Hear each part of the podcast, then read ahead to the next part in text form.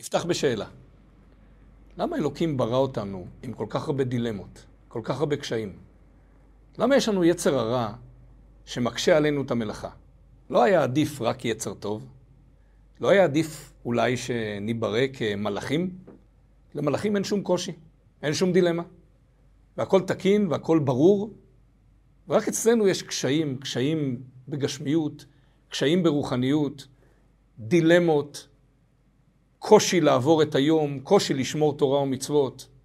איזה הנאה, כביכול, אלוקים מפיק מתוך כל הקושי הזה. בעצם אם נעביר את השאלה לתחום של חינוך, כשיש לנו בבית או בכיתה ילד שקדן, מתמיד, צייתן, ומולו הילד המרדן, הלא עושה מה שאומרים, לא מכין שיעורי בית, לא עושה את המטלות בתוך הבית, מי עדיף? מי עדיף במובן של את מי נעריך יותר על העשיות שלו? מתוך השאלות בתחום החינוך, נוכל להבין גם את כל תחומי החיים ואת כל הדילמות שיש לנו, הן בתורה ומצוות, והן בכל תחום בחיים שלנו. ונפתח כהרגלנו בסיפור. הרב עדין שטיינזלץ, זיכרונו לברכה, הגיע אליו תלמיד, ובפיו שאלה מאוד קשה. אבא שלו על ערש דווי, והרופאים אמרו נואש. אז נכון שחז"ל אמרו אפילו חרב חדה מונחת על צווארו של אדם, אל ימנע עצמו מן הרחמים, אבל עדיין הוא רואה את המצב הגשמי של אבא שלו, וברור לו שזו שאלה של שעות עד שהוא ייפרד מהעולם. ושאלת הרב הדין שטיינזלד שאלה כזאת, אני בכל השנים שאבא שלי היה חולה, כיוונתי את השם שלו בברכת רופא חולה עמו ישראל. וכיוונתי שיבריא בעזרת השם, שיעמוד על רגליו, ושיהיה בריא. והנה עכשיו, לא רק שהרופאים אמרו נואש, אלא אני רואה שזה אל חזור. זה רק שאלה של זמן מועט והנשמה תצא מהגוף. האם עדיין אני צריך לכוון בברכת חולי, רופא חולי עמו ישראל, על אבא? והרב עדין שטיינזלץ ענה לו ככה: לפני ברכת חולי, רופא חולי עמו ישראל, אמרת ברוך אתה השם מחיי המתים. מה ההיגיון בתחיית המתים? אנחנו מדברים על מתים שכבר נמצאים באדמה למעלה משלושת אלפים שנה. ולפי האמונה היהודית, וזה חלק משלושה עשר עיקרים, המתים יקומו לתחייה. לא נשאר שם שום דבר. אולי חוץ מעצם אחת שחז"ל אומרים שממנה תהיה תחיית המתים, אבל על פי טבע אין דרך להחיות מתים, בפרט כאלו שנמצאים כל כך הרבה זמן בתוך האדמה. אז מה זה ברוך אתה השם מחיי המתים? והסביר הרב שטיינצץ. כשם שאנחנו מאמינים שהקדוש ברוך הוא יכול לעשות נס ולהחיות מתים, שלא נשאר מגופם שום דבר חוץ מאדמה, כך אנחנו מאמינים שיכול להבריא ולהקים מהמיטה, ממיטת החולי, גם אדם שהרופאים אמרו נואש לחייו. זה הפירוש, חרב חדה מונחת על צווארו של אדם. למרות שעל פי הגדרה רפואית אפסה התקווה, יש עדיין אמונה חזקה שהוא יקום. איך? זה שזה לא מסתדר עם ההיגיון, אמונה והיגיון לא הולכים ביחד. אז למה יש כזה קונפליקט בין אמונה לבין המציאות? למה נראה ששוב ושוב ושוב אלוקים מחזיר אותנו למקום הזה שמצד האמונה אנחנו נחשוב משהו מסוים, ומצד העיניים שלנו, קרי המציאות, איך שאנחנו רואים אותה בעולם, אנחנו נחשוב משהו אחר. ואלוקים מצפה מאיתנו שבשעות קשות כאלה, שבה האמונה היא הפוכה לגמרי מהמציאות, אנחנו נלך עם האמונה. למה אלוקים מחזיר אותנו למקומות האלה? שוב ושוב ושוב, לא רק במקרה קיצון של אבא על ערש דווי, אלא בעצם בכל נקודה בחיים יש קונפליקט בין מה אני מאמין לבין מה אני רואה, או מה אני רוצה, או מה אני שומע. ואני כל הזמן נדרש לבחור בצד הזה של האמונה. למה הדברים לא ברורים יותר? למה הדברים לא חזותיים יותר, שנוכל לראות בעינינו הגשמיות שהבחירה שלנו היא בחירה שכלית, היא בחירה רציונלית, היא בחירה עם העיניים. למה חייב להיות שהעיניים יראו משהו אחד, או שהראש יבין משהו אחד, ועדיין האמונה תהיה כל כך חזקה ותוכל להכריע גם את השכל, גם את הרגש, גם את העיניים, גם את האוזניים, הכל. כי, כי אלוקים אמר. לאלוקים יש איזושהי הנאה מזה שאנחנו שוב ושוב באים לאותה דילמה, ושוב ושוב ושוב נדרשים להכריע כאילו לטובתו, כאילו לטובתו מול שכלנו, לטובתו מול הרגש שלנו, וכך הלאה. אם הוא מחזיר אותנו למקומות האלה כל הזמן, סימן שזאת התכלית שלנו. אבל למה?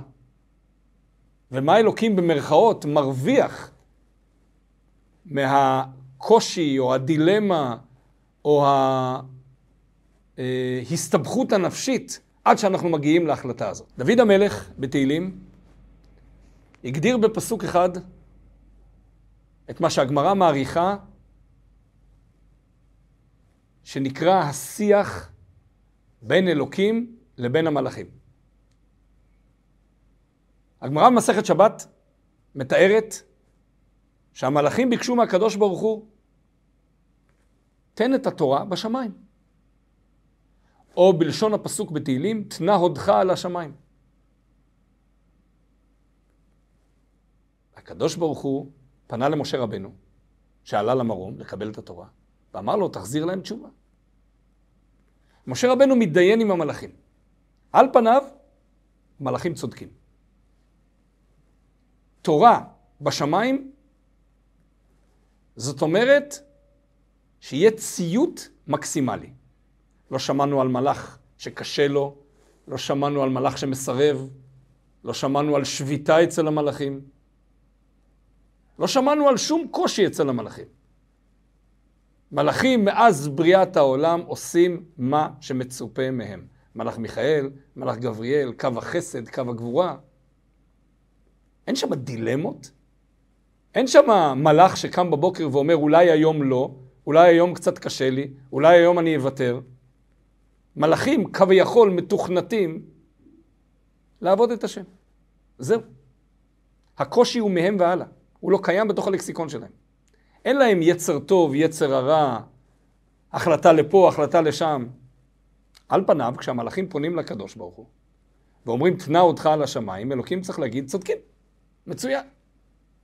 אני יודע שאם אני אתן את הודי, קרי את התורה, על השמיים, אז התורה תקוים ככתבה וכלשונה. ועדיין אלוקים פונה למשה רבנו ואומר, תחזיר להם תשובה. מה אומר משה רבנו למלאכים? יש לכם יצר הרע? יש לכם קושי? ירדתם למצרים? יש לכם אבא ואימא? איך תקיימו את התורה? אז כמובן שהמלאכים רצו לקיים את התורה בפן הרוחני.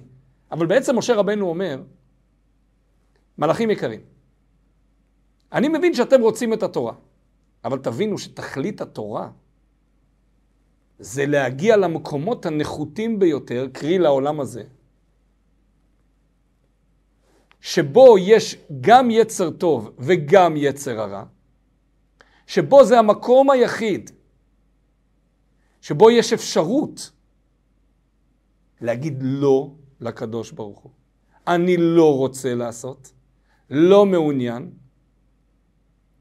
ובמקום הזה, מתוך בחירה חופשית של האדם, לא כי מישהו תכנת אותו, לא כי הוא רובוט, לא כי הוא מלאך, אלא כי הוא, הוא בעצמו רוצה לקיים את התורה במקום הזה, שהאדם מתוך בחירתו בחר לשמור את התורה, שם הקדוש ברוך הוא רוצה לתת את התורה.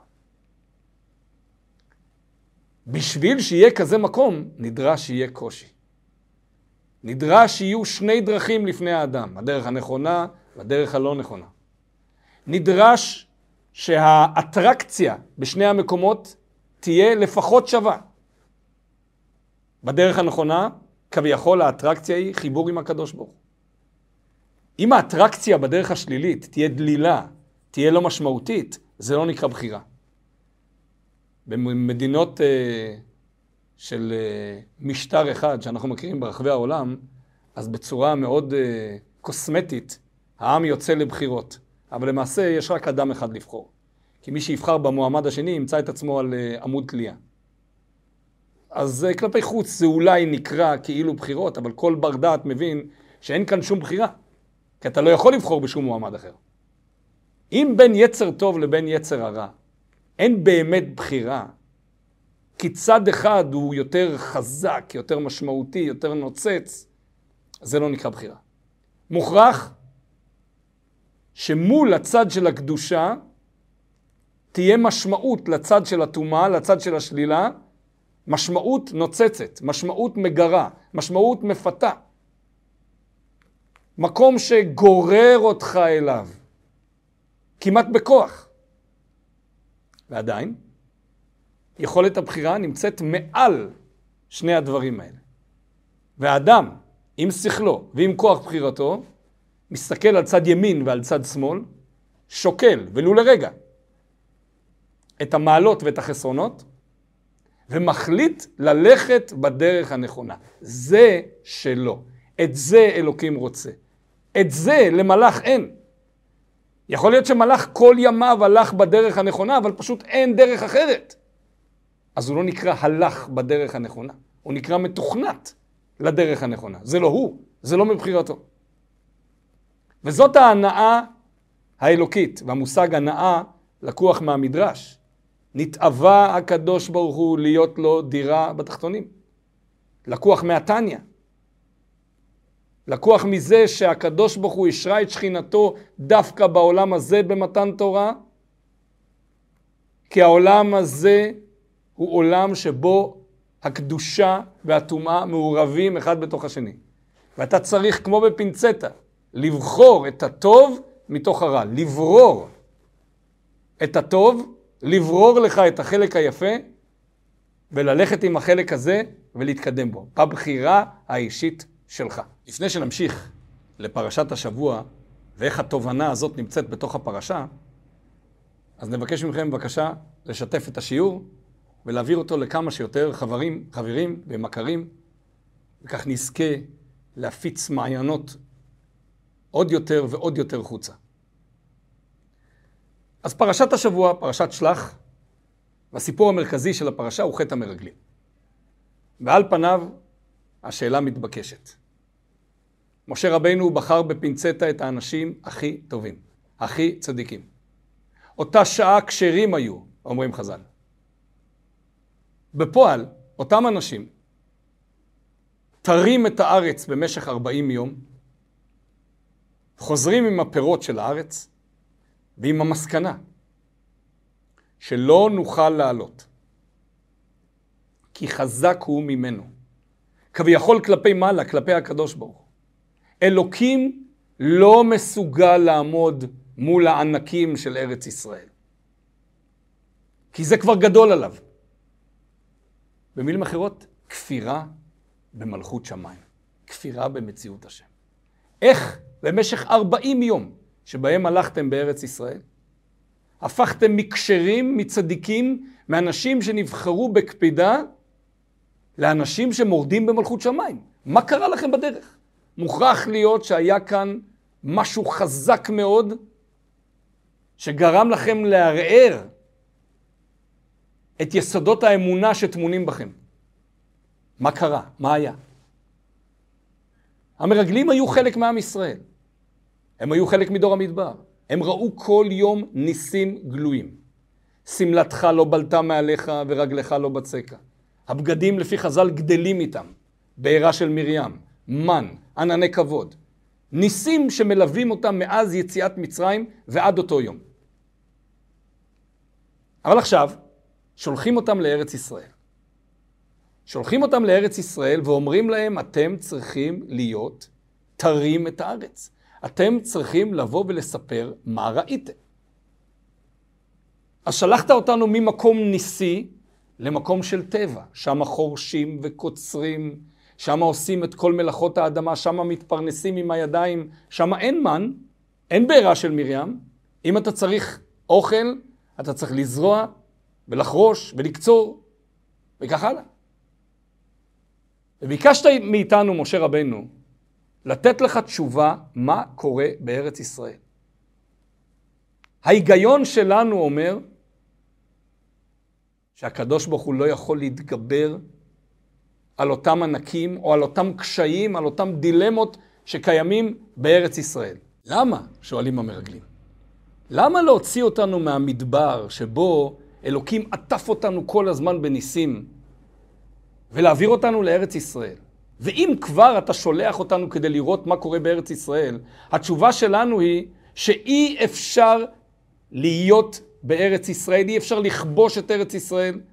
זה גדול אפילו על אלוקים, חס ושלום. כי אמרת לנו ללכת לראות מה קורה בארץ.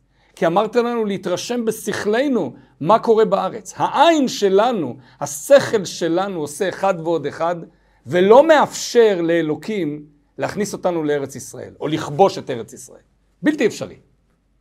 אלוקים יכול לכבוש את סיחון, את אוג, אבל את ילידי הענק שבארץ ישראל, זה בלתי אפשרי. את המצבים הקיצוניים האלה של הקושי, איתם כביכול אלוקים לא יכול להתמודד. שוב, השאלה מול האמונה, אלוקים הרי אמר, כבר בהתגלות בסנה, אלוקים אמר למשה רבינו שהוא הולך להוציא את עם ישראל ממצרים על מנת להביא אותו לארץ ישראל. וזה מלווה אותם כל הזמן, עד פרשת שלח. כל הזמן אזכרות שאתם הולכים להגיע לארץ ישראל. זאת האמונה. אבל המציאות אומרת אחרת. המציאות אומרת משהו אחר לגמרי, זה לא מסתדר. וכשזה לא מסתדר, אז אפילו אותם אנשים שהיו צדיקים מאוד גדולים, אבל התרגלו לא לעמוד במבחן של אמונה מול מציאות, אלא להיות עטופים כל הזמן בניסים גלויים, כשאתה בנס, כשאתה בתהליך גדול של נס מתמשך, אתה לא צריך לבחור, אתה זורם. אתה זורם עם נס לנס, אתה עובר מהמן לבעירה של מרים, מבעירה של מרים לעננים, יציאת מצרים, קריאת ים סוף, עשרת הדיברות. איפה אתה בסיפור הזה? איפה ההחלטה שלך בסיפור הזה? איפה העצמאיות השכלית שלך שאומרת מה אתה בוחר? לא קיים. פתאום, בבת אחת, בתוך 40 יום, הם נדרשים לראות מול העיניים מציאות אחרת ולהחליט הם, בשכלם שלהם, שלמרות שהמציאות נוגדת את האמונה, אני בוחר ללכת עם האמונה. זה היה גדול עליהם. פה הם נפלו. מעבר לזה שכפי שמבואר בחסידות, המעבר בין רק ללמוד תורה לבין להשכין את הקדושה בתוך העולם הגשמי, היה נראה להם תרתי דה סתרי, שני דברים סותרים.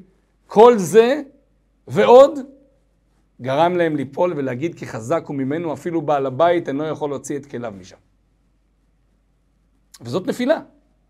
נפילה מאוד גדולה.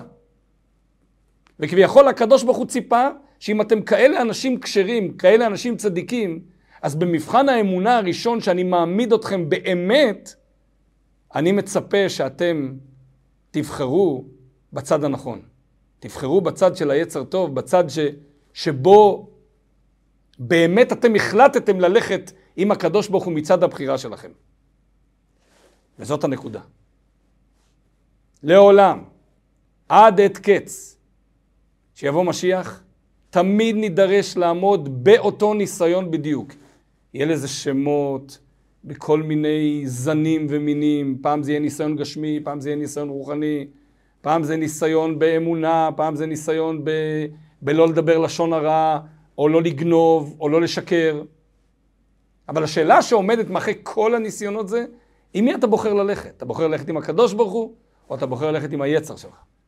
אתה בוחר ללכת עם השכל שלך, או בוחר ללכת עם מה שהקדוש ברוך הוא אומר?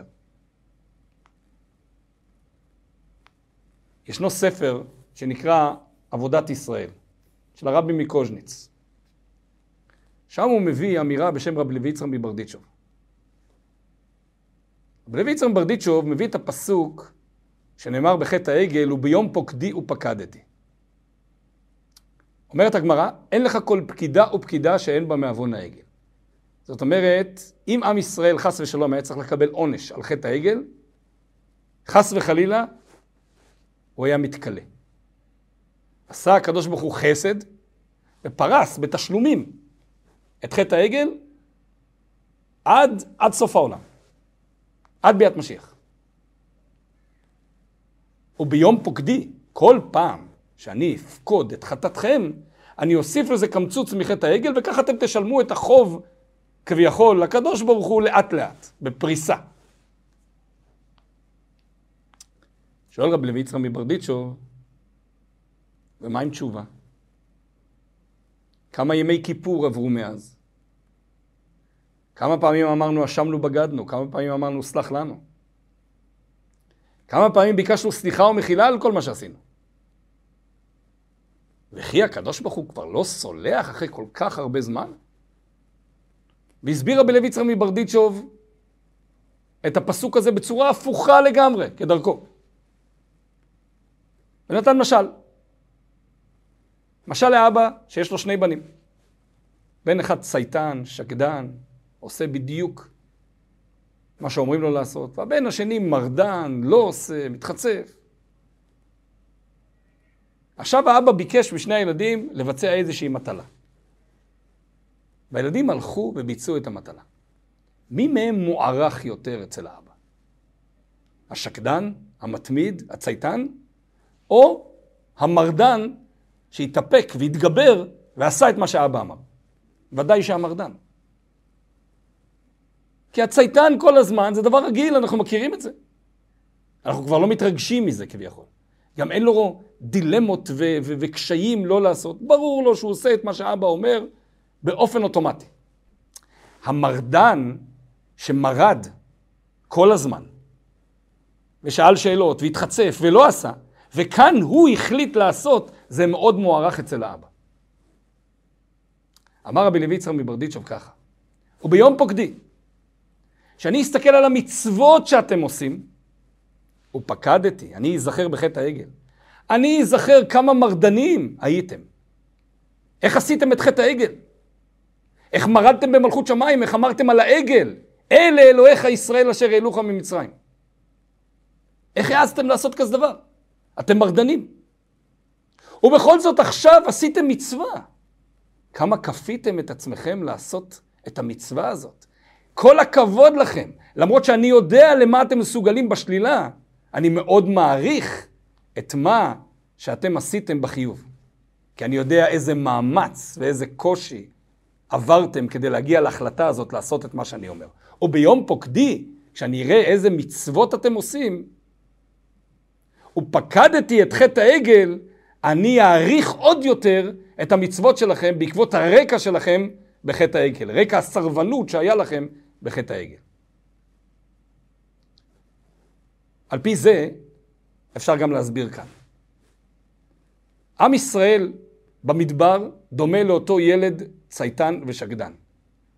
כאילו נסחב עם הזרם, הוא כל הזמן עושה את אותו דבר, נכון שהיו קשיים, אבל הוא, הוא מוקף בכל כך הרבה ניסים, שהוא נסחף עם הניסים כלפי מעלה. אבל כאן, לוקחים קבוצה מצומצמת מתוך עם ישראל, את הצדיקים הגדולים ביותר, ואומרים להם, זה לא מספיק. מה שאתם עושים יפה מאוד, אבל הוא לא מבטא את מי אתם. הוא מבטא את הזרימה. אני רוצה לראות מה אתם בוחרים. אני רוצה לראות מה אתם אומרים כשמול העיניים יהיה הפוך מדבר השם. אני רוצה לראות מה אתם אומרים כשאני אמרתי שצריך להיכנס לארץ ישראל, ומול העיניים אתם תראו שזה בלתי אפשרי להיכנס לארץ ישראל. מה תחליטו אז? וכאן המרגלים נפלו, וכאן המרגלים נכשלו. והכישלון הזה זה כישלון מהדהד. זה לא כישלון רק שלהם, זה למעשה גם כישלון שלנו. זה אומר שכשיש דילמה בין מה אלוקים אומר לבין מה העיניים שלי רואות, לא תמיד אני בוחר במקום הנכון. לפעמים אני הולך עם העיניים, עם השכל, עם הרגש, עם התאווה. זה אומר שאני נמצא בנקודת סיכון מאוד גדולה. אבל ביחד עם זה, זה אומר שלמעשה שלי אלוקים מצפה. לא למלאכים, לא לשרפים, לא לאופנים, למעשה הקטן שלי. האצבע הזאת שמכריעה את העולם כדברי הרמב"ם, היא האצבע שלי, של האדם, של היהודי שבוחר בבחירתו שלו להגיע לנקודת האמת. או בלשון נתניה, שש ושמח בדירתו בתחתונים, אלוקים יש לו שמחה ועונג מזה שהאדם בעולם התחתון, העולם הגשמי הזה, בחר בדרך הנכונה. כשלאבא יש ילד, והילד הזה לומד ללכת, ואבא נותן יד לילד והולך איתו. בשלב מסוים האבא עוזב את היד, מאמין שהילד מספיק יציב כדי ללכת את הכמה פסיעות, ומחכה לו במרחק של חמש-שש פסיעות מכאן, כדי שילך את הדרך הזאת לבד. מה האבא? אוהב או שונא? בטח אוהב. ודאי שאוהב. כל כך אוהב שהוא מאמין שהילד יכול לפתח עצמאות. וכשהאבא עומד ממרחק ומושיט ידיים לילד ואומר לו בוא אליי מתוק שלי והילד הולך את הפסיעות האלה לבד, אין מאושר יותר מאבא. כי אבא לא יהיה שם כל החיים כדי לתת לו יד. וזה בדיוק מה שקורה עם אלוקים. הוא שחרר אותנו כביכול ואמר תעשו את הפסיעות האלה לבד, מתוך החלטה שלכם, וכשתצליחו ותפסעו את זה, לבד, אין מאושר יותר ממני. אני שמח כל כך שבחרתם בי, כי אתם בחרתם בי. העולם אומר, אם אתה אוהב את הילד שלך, תקנה לו דג. אבל אם אתה אוהב אותו באמת, תלמד אותו לדוג. כשאתה מלמד אותו לדוג, אתה בעצם אומר, בני, אני מוכן שתעשה את הדברים לבד, ותרגיש כאילו אתה עשית אותם, ובתנאי שאתה תבחר בדרך הנכונה. אתה הלכת לדוג, אתה פרנסת. נסיים עם הסיפור שהתחלנו איתו, על אותו ילד שאבא שלו על ערש דווי, הוא מתלבט האם להגיד אה, רופא חולה עמו ישראל. זאת התשובה. כשיש מול העיניים דילמה קשה של מציאות ואמונה, שם מתגלה האתה האמיתי. שם מתגלים הכוחות שאלוקים נטע בך. להגיד למרות שאני רואה הפוך, אני יודע שאלוקים לא עזב אותי. אני יודע שהוא נמצא שם ויכול, כמו שהוא יכול להחיות מתים, הוא גם יכול להחיות את אבא. שבעזרת השם יהיה לכולנו אורך ימים ושנים טובות, הצלחה רבה בכל מעשינו, נזכה לגאולה השלמה במהרה בימינו, אמן.